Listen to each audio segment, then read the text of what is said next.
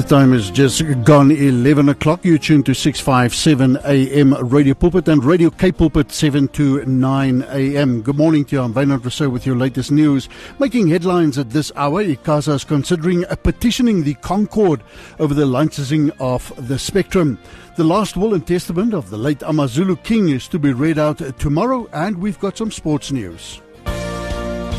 Good morning. From our side, the Independent Communications Authority of South Africa says its uh, council has resolved to appeal against the decision by the North Gauteng High Court in Pretoria to grant Telkom and ETV an interdict against the high demand spectrum auction. ICASA says that could also include directly petitioning the Constitutional Court.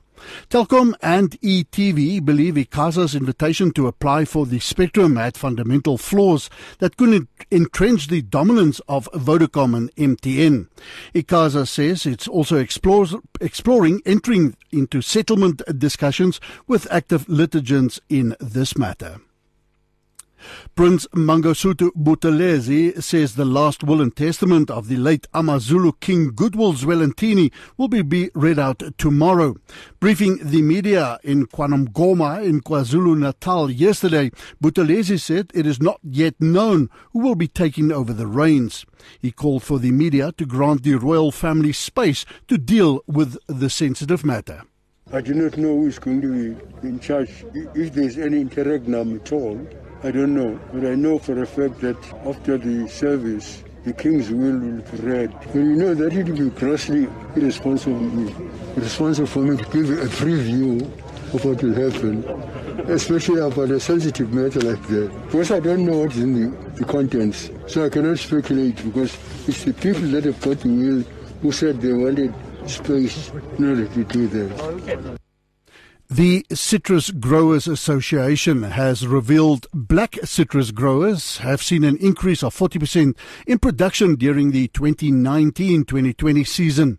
The association says several farmers and black growers have increased output by over 400,000 cartons, with one grower increasing production by 99,000 cartons in just one year. Despite the economic challenges posed by the COVID-19 outbreak, up to 75% of the growers exported their products to the global market. They also provided employment to over 7,000 permanent and seasonal staff. In your sports news, we've got rugby for you. Springbok women's coach Stanley Raubenheimer has expressed excitement following the World Rugby announcement of a global women's season.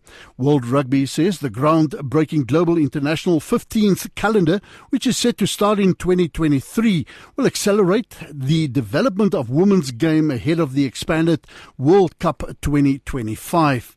Teams will qualify annually into the women's 15 competition courtesy of the finishing positions with the respective existing annual regional competitions. Raubenheimer says this development is very much welcomed. Well, we've seen now with our training, it's one thing training and another thing playing. So obviously, the more matches you play, uh, the better you can become at your craft. And we've seen all our other national teams, the more they play, the better they become.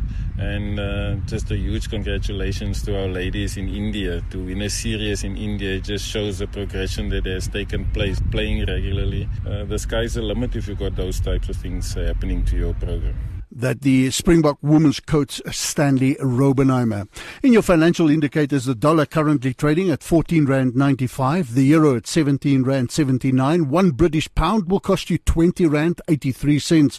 Gold selling at $1,735 14 cents and finance and Brent crude oil $68.72 a barrel. With that, it's the end of this bulletin compiled by Newscast News Agency. Our next complete bulletin will be this afternoon at at 3 o'clock.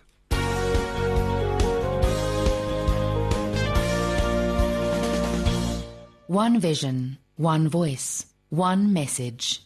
Radio Pulpit 657 AM and 729 Cape Pulpit, impacting lives from Gauteng to the Cape. Time is running out and space is filling up fast as couples are getting ready to be enriched at the inaugural Intimate Moments Marriage Enrichment Camp. Happening from the 16th through to the 18th of April, year 2021. Don't miss out. Secure your booking right now on 012 334 1297 or email kiliboni at radiopulpit.co.za. Intimate Moments Marriage Enrichment Camp. Prepare to be enriched. Hashtag kuzoba mnandi mshadweni. Jou daaglikse reisgenoot 657 Radio Kansel en 729 Kaapse Kansel. Wat 'n voorreg om saam met jou te kuier. Baie baie dankie. My naam is Janie Pelser. Hierdie program se naam is Perspektief en ons probeer 'n bietjie lekker naby kom aan die hartklop van dit wat in die Suid-Afrikaanse konteks gebeur. En as mense so luister na die nuus wat sopas deur Wynand Resou vir ons so pragtig voorgeles is, dan kom mense agter hoe meer dae hoe meer dinge, né? Wie het gesê hoe meer dae hoe meer dinge? Nou dit is sekerlik waar van die Suid-Afrikaanse konteks. Hierdie spesifieke program eh, bring mense na die mikrofoon toe wat perspektiewe deel oor wat rondom ons gebeur. Ja, baie daarvan gebeur selfs binne in ons nie, want dit kan nie anders as om te resoneer binne in ons nie en dit impakteer ons lewens en die besluite wat ons maak. Uh daardie perspektiewe word natuurlik uh self voorgehou. Dit is hulle eie perspektiewe, maar dit is daar sodat u en ek as luisteraars en as deelnemers aan hierdie program ingelig kan wees en uh, verskeie perspektiewe op die tafel kan hê waaruit ons dan uiteindelik 'n verantwoordelike keuse kan maak. So uh, Radio Kansel staan nie noodwendig in vir die perspektiewe wat gedeel word nie, maar ons deel dit baie graag sodat ons die gesprek aan die gang kan hou en sodat ons ook as 'n Radio Kansel luisteraars ingeligte mense is en kan wees. So I welcome you in the wonderful name of Jesus Christ our Lord. He came to earth. Can I remind you? Jesus came to earth within a specific context and he brought a message for the context. And unless the message and the context resonates with one another, something is wrong. The message is for the context. So we have to discern what is the message for the context and what does God expect his children to do in a time such as this. Very, very challenging time, and we are really fortunate that we can speak to people who know uh, topic, know uh, what they believe, and what kind of uh, guidance they should give. Peter Labaskachny is a professor in uh, uh, political science at UNISA. We're going to listen to him.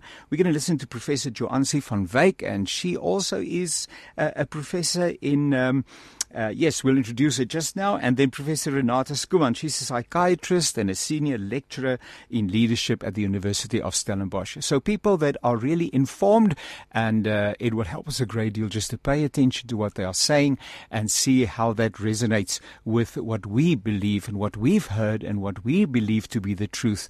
And then from there decide onwards. It would be wonderful to hear from you. My name is Yanni Pelser. What is your name?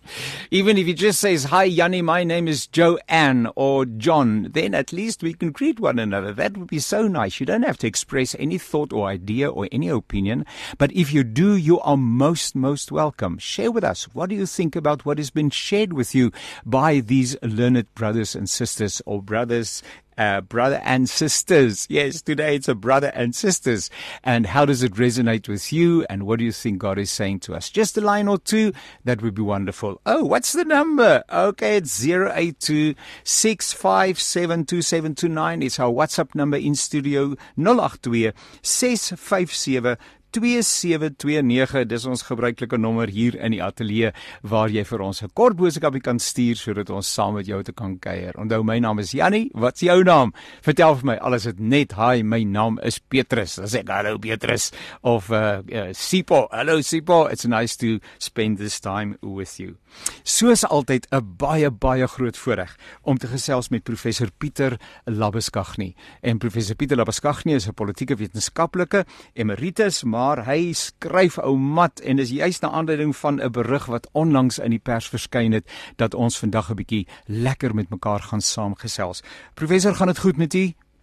Baie goed, dankie Jannie. Ek is baie dankbaar. Uh dit is nou vir hierdie ronde is dit nou ons laaste keer dat ons saam kuier. Ons het die afgelope weke saam gekuier. Ek vertrou dat ons paie weer gaan kruis vorentoe, maar baie baie dankie vir dit wat agter ons lê en uh baie dankie ook vir vandag. U het 'n artikel geskryf, 'n berig, weet nie hoe noem ons mense dit nie, 'n mening. Um, en uh die dit is 'n netwerk 24 en die opskrif daarvan is is Magashule op pad om nommer 1 te word. Nou hierdie is die realiteite waarmee ons deel. Die Magashule die Zumas, die Ramaphosas uh en 'n klomp ander mense wat daagliks deel is van ons nuus dieet. Uh, gee vir ons 'n bietjie agtergrond rondom die artikel asseblief en wat is dit wat in u eie hart leef wanneer u so na die uh konteks kyk? Annie, nee, dit is baie dankie vir die vir die geleentheid en baie dankie oor die geleentheid om deel te wees van jou program. Uh, ek het gister met iemand gepraat ook van 'n radiostasie in Namibië en en ek wil dit graag sê want ek dink baie mense vind dit moeilik om die politieke dinamika van die land kan verstaan en ek kan baie keer verstaan dat dit gewellige spanning op mense plaas ook omrede ons in 'n baie moeilike tyd lewe met ons lewe met COVID-19 ons lewe met ekonomiese agteruitgang soos in die meeste lande na COVID het ons maar hierdie situasie dat die ekonomie nie is soos wat hy is nie so ek dit plaas die mense onder geweldige druk en die troos wat ek kan gee en ek wil graag op die positiewe noot begin en ook dan nou my sessies met jou voorlopig ja. afsluit mens kan nou weer in toekomstige weke weer gesels baie graag is dat een ding van Suid-Afrika wat mens moet verstaan is dat Suid-Afrika is 'n baie jong demokrasie demokrasie. Ja. Jou jou gevestigde stabiele demokrasie in die westerse wêreld soos byvoorbeeld Amerika, uh, Brittanje, Frankryk, noem noem maar op, is almal wat ons noem evolusionêre demokrasie wat oor honderde jare ontwikkel het. Ja. Hulle hulle hulle het 'n evolusionêre proses gevolg om uit te kom by die punt waar hulle daardie stabiliteit kan bereik. En en as mense soms voel en kyk na Suid-Afrika en sê die dinamika en die woelinge in die politiek is ons net 'n bietjie te veel. Moet jy maar net dood eenvoudig geduldig moet wees. Suid-Afrika is 'n bitter jong demokrasie. 30 jaar in die leeftyd van demokrasie is eintlik bitter bitter jong. En wat moet gaan gebeur is dat skouers gaan geskuur word politici se koppe gaan te mekaar stamp, politieke partye gaan mak van mekaar verskil. Maar wat ek wel sien is dat ek sien geweldige positiewe tekens besig om te ontwikkel in Suid-Afrika. En en en ek wil net op 'n paar wys vir ons meer na die spesifiekheid van daarvan kyk. Ek dink die een ding is die historiese realiteite van Suid-Afrika is baie verskillend as baie ander lande in die wêreld. En die rede daarvoor is is dat tot 1990 toe president F.W. de Klerk, voormalige president F.W. de Klerk, die politiek in hierdie land genormaliseer het, was daar politieke partye wat doeteenvoudig verban was ja. en nie op 'n normale manier aan die politieke konteks kon deelneem nie. Na 9 na 1990 het daar 'n normalisering plaasgevind en partye kon op 'n politieke partye kon op 'n gelyke basis met mekaar uh, kompeteer. En dit het eintlik die speelveld nou oopgestel waarin jy verskillende akteurs kry ja. wat wat aan hierdie proses deelneem. Maar wat baie belangrik is is dat is ewewig in 'n politieke stelsel. Met ander woorde dat jy partye het wat op die regterkant van die eh, sentrum is, bedoel nie reg regterkant bedoel ek meer konservatief, meer ja. behouden, ja. dan jy jou sentrumpartye en dan jy meer jou liberale partye wat baie meer bevrydend uh dink en baie meer soort van liberaal oor politieke kwessies dink. En ek dink daai proses is homself besig om hom af te speel want die baie interessante ding dink ek wat baie luisteraars dalk raak gesien het is dat gister met die stemming oor of daar 'n daar 'n parlementêre komitee aangestel moet word om die openbare beskerming te ondersoek, het ons vir die eerste keer sentrum stemme gekry. Wat ek daarmee bedoel is dat die DA wat mens as 'n sentrumparty, 'n links-sentrum kan beskou en die ANC het vir die eerste keer saamgestem uh ja, weet hulle hulle hulle hulle hulle stemme saamgevoeg om hierdie komitee te werk stel. Vir my is dit 'n baie interessante ontwikkeling want dit beteken dat hierdie gematigde sentrum waarna ons op soek is in die land ja. dat dit dat dit besig is om te ontwikkel en dit is verskriklik belangrik vir enige politieke stelsel.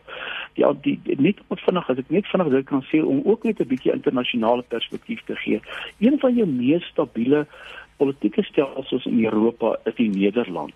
In Nederland dink ek gaan vandag na die stembus toe en die kans is baie goed dat hulle weer dieselfde party gaan verkies wat ook 'n sterk sentrumparty is, 'n party wat heeltyd na kompromie soek, ja. wat soek na konsensus, wat konsensus soekend is, wat nie konflik soekend is nie, wat in die middel van die politieke stelsel gestasioneer is. Dieselfde kry jy in Nederland met met met Merkel wat vir baie jare met haar party ook daardie selfde stabiliteit gebring het. So dit wat wat ek wil sê voordat ek nou oor die spesifiekheid van dit praat, ja. is dat ek sien baie positiewe tekens en mense wat soms voel dat dinge loop nie soos wat dit moet loop nie. Ek dink ons beweeg in 'n rigting waar ons hierdie tipe van politieke stabiliteit sien. En dis wonderlike goeie nuus nie waar nie. Ons maak inderdaad geskiedenis. Gister ook het ons geskiedenis gemaak in Suid-Afrika. Ja, die, die spesifieke vraag oor die artikel wat ek geskryf het, ek het net dood eenvoudig uh, gesê dat dat dat dat uh, dit natuurlik sit ons met 'n situasie en dis 'n historiese oorgeerfde situasie waar die ANC as regerende party uh sit in 'n in een party met verskillende groeperinge en jy kan dit heeltemal verstaan want die historiese politieke faktore het hulle eintlik forceer in 'n rigting waarin hulle verskillende groepere binne in 'n breë ons noem dit 'n amorfe party of 'n vangnet party moes opneem. Ander woorde mense het mense het die volledige spektrum van meer konservatiewes, meer gematigdes en meer uh, liberale uh, uh, uh, politici binne in een party. En ek dink wat gebeur is dat die, die, die hierdie situasie begin te manifesteer in 'n leierskapstryd waarin jy sien dat mense wat sterk die grondwet ondersteun soos soos president Cyril Ramaphosa en natuurlik 'n groot groep van hulle min of meer 50% van die huidige ANC aan die een kant staan en dan aan die ander kant kry jy die die die huidige voormalige president uh, uh, Jacob Zuma en Ysmagashule wat 'n bietjie meer na die teenoorgestelde kant is. So jy jy het hierdie interne verdeeldheid in spanning binne die party. En nou het hier twee interessante scenario's hulle afgespeel. Die een is natuurlik die voormalige president Zuma wat wat weier om voor die voor die vir die uh uh sondekommissie te verskyn.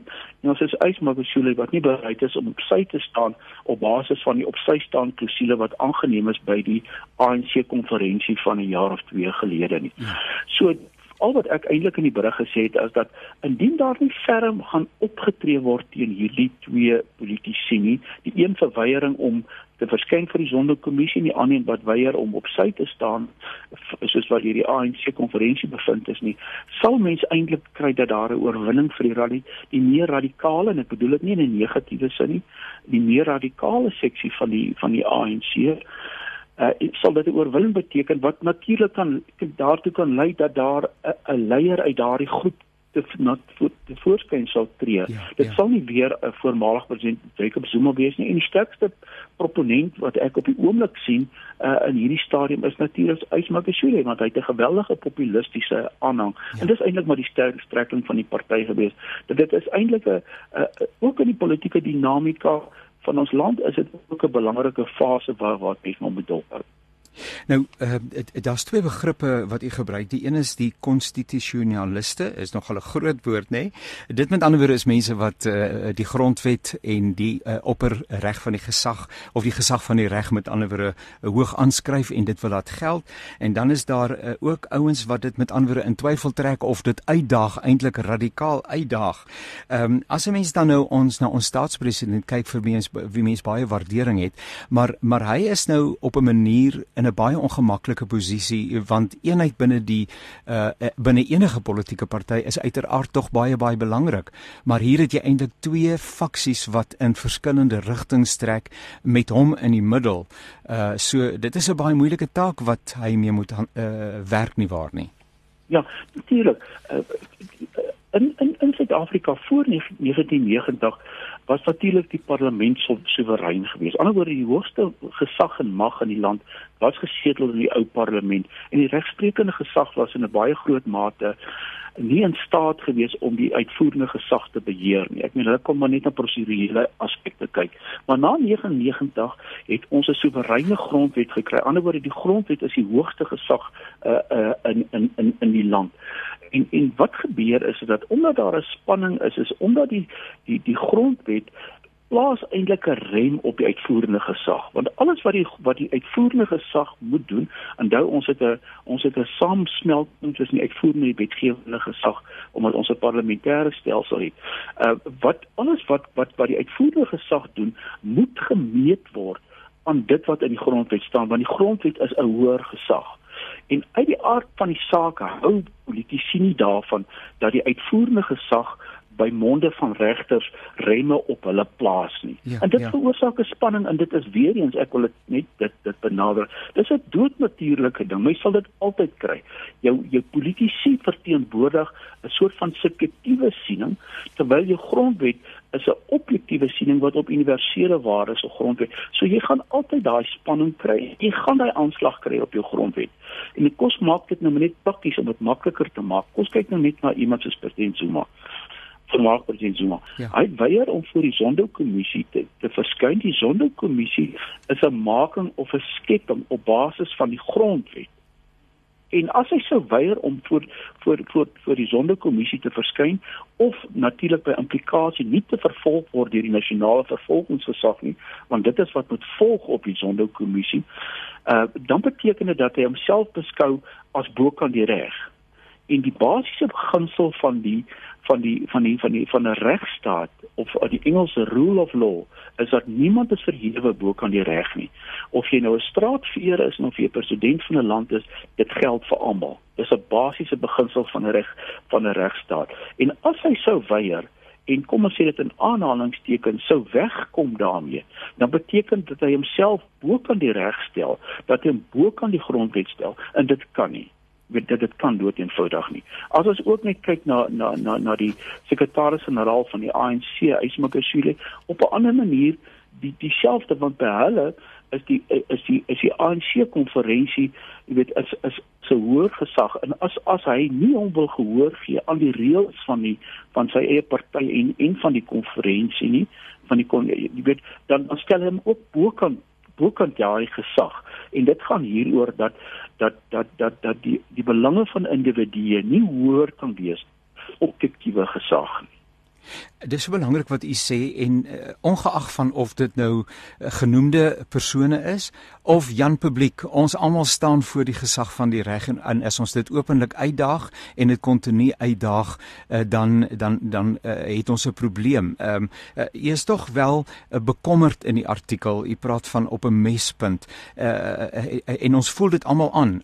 Suid-Afrika uh, uh, het ook 'n gespan het te midde van die feit dat ons demokrasie nog baie jonk is en al die mooi dinge wat u gesê het, beleef ja. ons tog spanning in ons eie konteks. Sou u sê dat die 25ste Maart uh dat dit vir ons na een of ander kant toe aandring gaan gee van watter kant toe die sentiment uh lê en gaan ontwikkel want dit is wanneer uh met ander woorde dan in hierdie geval meneer Zuma uh wat voel dat uh, die die die reg dan nou nie in sy geval uh geld nie of dat hy uh, daar spesiale omstandighede is of wat ook al die inhoud van sy redevoering is uh, maar daar moet uitspraak gelewer word op die 25ste Maart. So is dit 'n deurdag in terme van ons politieke situasie. My bekommernis is net dood dood doodgewoon geleë in die volgende een. As mense sou regtig waar baie naby sou kyk aan die optrede van van van die sekretaris-generaal van die ANC, Ysmakashule en van uh, voormalig president Zuma.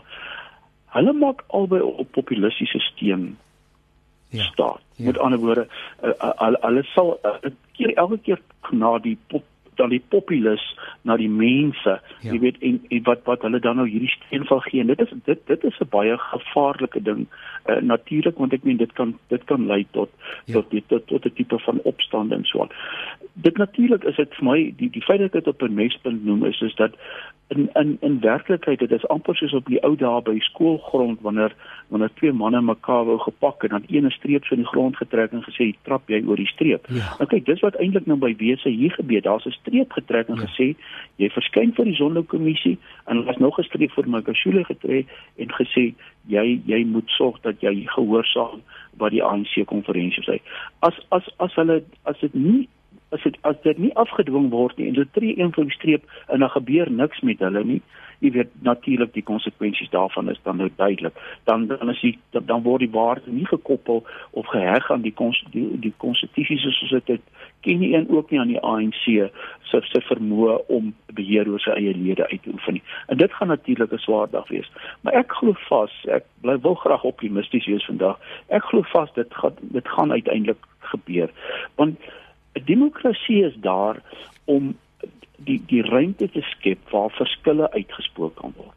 Kyk, voordat ons 'n demokrasie in hierdie land gehad het, het mense mekaar op mekaar geskiet en mekaar probeer doodmaak. Ja, nou is ja. ons verby daai tyd. Ons het 'n vreedsame onderhandeling gehad. Daar was nou wel geweld betrokke, maar ons het nou beland in 'n demokrasie waar ons probeer om konflikte bereg in konflikte besluit binne spesifieke ruimte. En ek dink daar daar vind eerlike pogings plaas om dit te laat te laat plaasvind en ek glo dat dat mense uiteindelik gaan ons uitkom by 'n by by, by 'n positiewe uh uh, uh uit uh, einde aan hierdie aan hierdie hele saak. So ek hoop werklik waar daarvoor so want dit is belangrik dat die grondwet die oppergesag moet bly want die grondwet is 'n grond op universele waardes en ook 'n tradisionele waardes wat in hierdie land geld en morele en etiese waardes ook al en die grondwet moet ons hoogste gesag bly dis die enigste manier waarop die hoeksteen dit is die hoeksteen van ons demokrasie en die regsprekende gesag moet daai waardes kan afdwing anders sit ons in 'n moeilikheid Professor Pieter baie baie dankie vir die perspektief wat u bring en u hoë beskaam nie. ons is altyd dankbaar en dankie vir die positiewe uh, manier waarop u ook uh, vir ons help om te verstaan dat ons nie in alle opsigte aan aan die slegte kant is nie. Daar's ook positiewe dinge en dat ons ook waardering sal hê vir die feit dat hierdie 'n uh, bietjie ongemak maar deel van die proses is en dat ons daarmee moet saamleef, dit met belangstelling moet dophou. As kinders van die Here het ons 'n profetiese verantwoordelikheid. Ons kan inspreek, ons kan ons stem laat hoor ons kan bid. Ons is nie sonder verweer nie en op die manier is ons met mekaar op pad na 'n gemeenskaplike toekoms waarin daar plek is vir al God se kinders. Baie dankie vir u. Dit was heerlik en ek spreek die begeerte uit dat ons sommer vinnig weer saam met u kan kuier soos hierdie slag. Baie dankie. Ek plesier wat myne. Totsiens. Seënwense totsiens. Nee, ja, so gesels professor Pieter uh, Lapskagni en dit is so belangrik net dat 'n mens uh, wanneer 'n mens 'n uh, saak stel, dat 'n mens dit uh, in balans stel en alles is nie altyd net sleg nie, alles is nie altyd net goed nie. Ons het 'n heerlike allegaartjie van aanvaarbaar en minder aanvaarbaar, van ontstellend en dan weer gerusstellend en 'n klomp ander dinge binne die Suid-Afrikaanse konteks en ons is dankbaar dat ons nou hier is. Iemand het 'n boek geskryf met die naam van ons is nou hier. En dit help nou nie om aan mekaar nie alhoewel dit bydraend is maar nou oor gister en eergister te beklei nie. Kom ons sê ons is nou hier en kom ons sien hoe die proses homself uitspeel en belangrik dat elkeen van ons 'n rolspeler sal wees. Hy het 'n mening, jy kan daaroor gesels, jy kan daaroor bid, jy kan dit met mense bespreek, jy kan 'n brief skryf, uh, jy kan jou stem laat hoor. Uiteindelik kan jy ook aan die stemming wat gehou word van tyd tot tyd kan jy deelneem. Op daardie manier het jy met ander woorde invloed op die manier waarop dinge ontwikkel in hierdie pragtige pragtige pragtige land met sy merkwaardige mense wat God vir ons hier aan die suidpunt van Afrika gegee het. Soos uh, ek ook met professor uh, Pieter uh, lekker gesels het, is dit 'n groot voorreg om te kuier saam met professor Joansi van Wyk en sy's eweneens verbonde aan Unisa se departement politieke wetenskap. Uh professor, gaan dit goed met u vandag? Ja, baie dankie Janie, ek hoop dieselfde van jou ook. Lekker gesond. Solank ou gesond is, dit is seker die dis al die een ding wat jy nie kan koop nie, professor. Jy kan geld hê, ja. jy kan posisie, jy kan roem hê, maar ek dink as daar nou iets is wat COVID vir ons gewys het, dan is ja. dit die belangrikste dinge in die lewe en daaronder tel gesondheid en verhoudings. Dit koop jy nie met met 'n chequeboek nie. Presies en ook natuurlik die voorreg om net te kan tot stilstand kom en net te kan besin oor wat is dit waarmee ons besig is. Maak dit werklik waar sin? En hoe diep is die spore wat ons trap en waar trap ons sodat ons ook net weer perspektief kan kry op ons plek as Christene in hierdie wêreld. Inderdaad en daarom is die program se naam Perspektief. Nou u het eweneens in die onlangse verlede artikel geskryf of 'n berig geskryf, 'n mening uitgespreek en uh, die opskrif daarvan is as 'n leiers struikel. Ehm um, ek sal bly wees as u vir ons bietjie inlei oor hierdie onderwerp. Wat was in die hart en wat wil u eintlik met uh, met die luisteraars deel? Goed, Janie, baie dankie. Ehm um, ek het basies gekyk na die gebeure rondom president oud-president Zuma se uh, weerstandigheid om dan nou voor die Sonderkommissie te verskyn. En terselfdertyd was daar op die internasionale front ook dan nou die skuldigbevinding van die oud-Franse president, uh, president Sarkozy.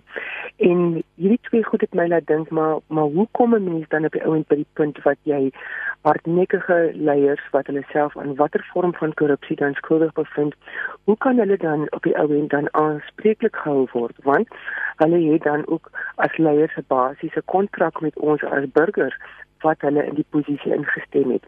Nou in die geval van president Zuma weet ons dat die Zondo-kommissie is een van die nalatenskappe van sy eie presidentskap. Hy het die kommissie aangestel en dan nou die mandaat daarvoor uitgewerk en ja, ons weet dan nou dat hy is nie bereid om dan voor die kommissie te verskyn nie en dan op 25 Maart gaan die grondwetlike hof dan nou besleg oor hierdie situasie. Moet hy dan nou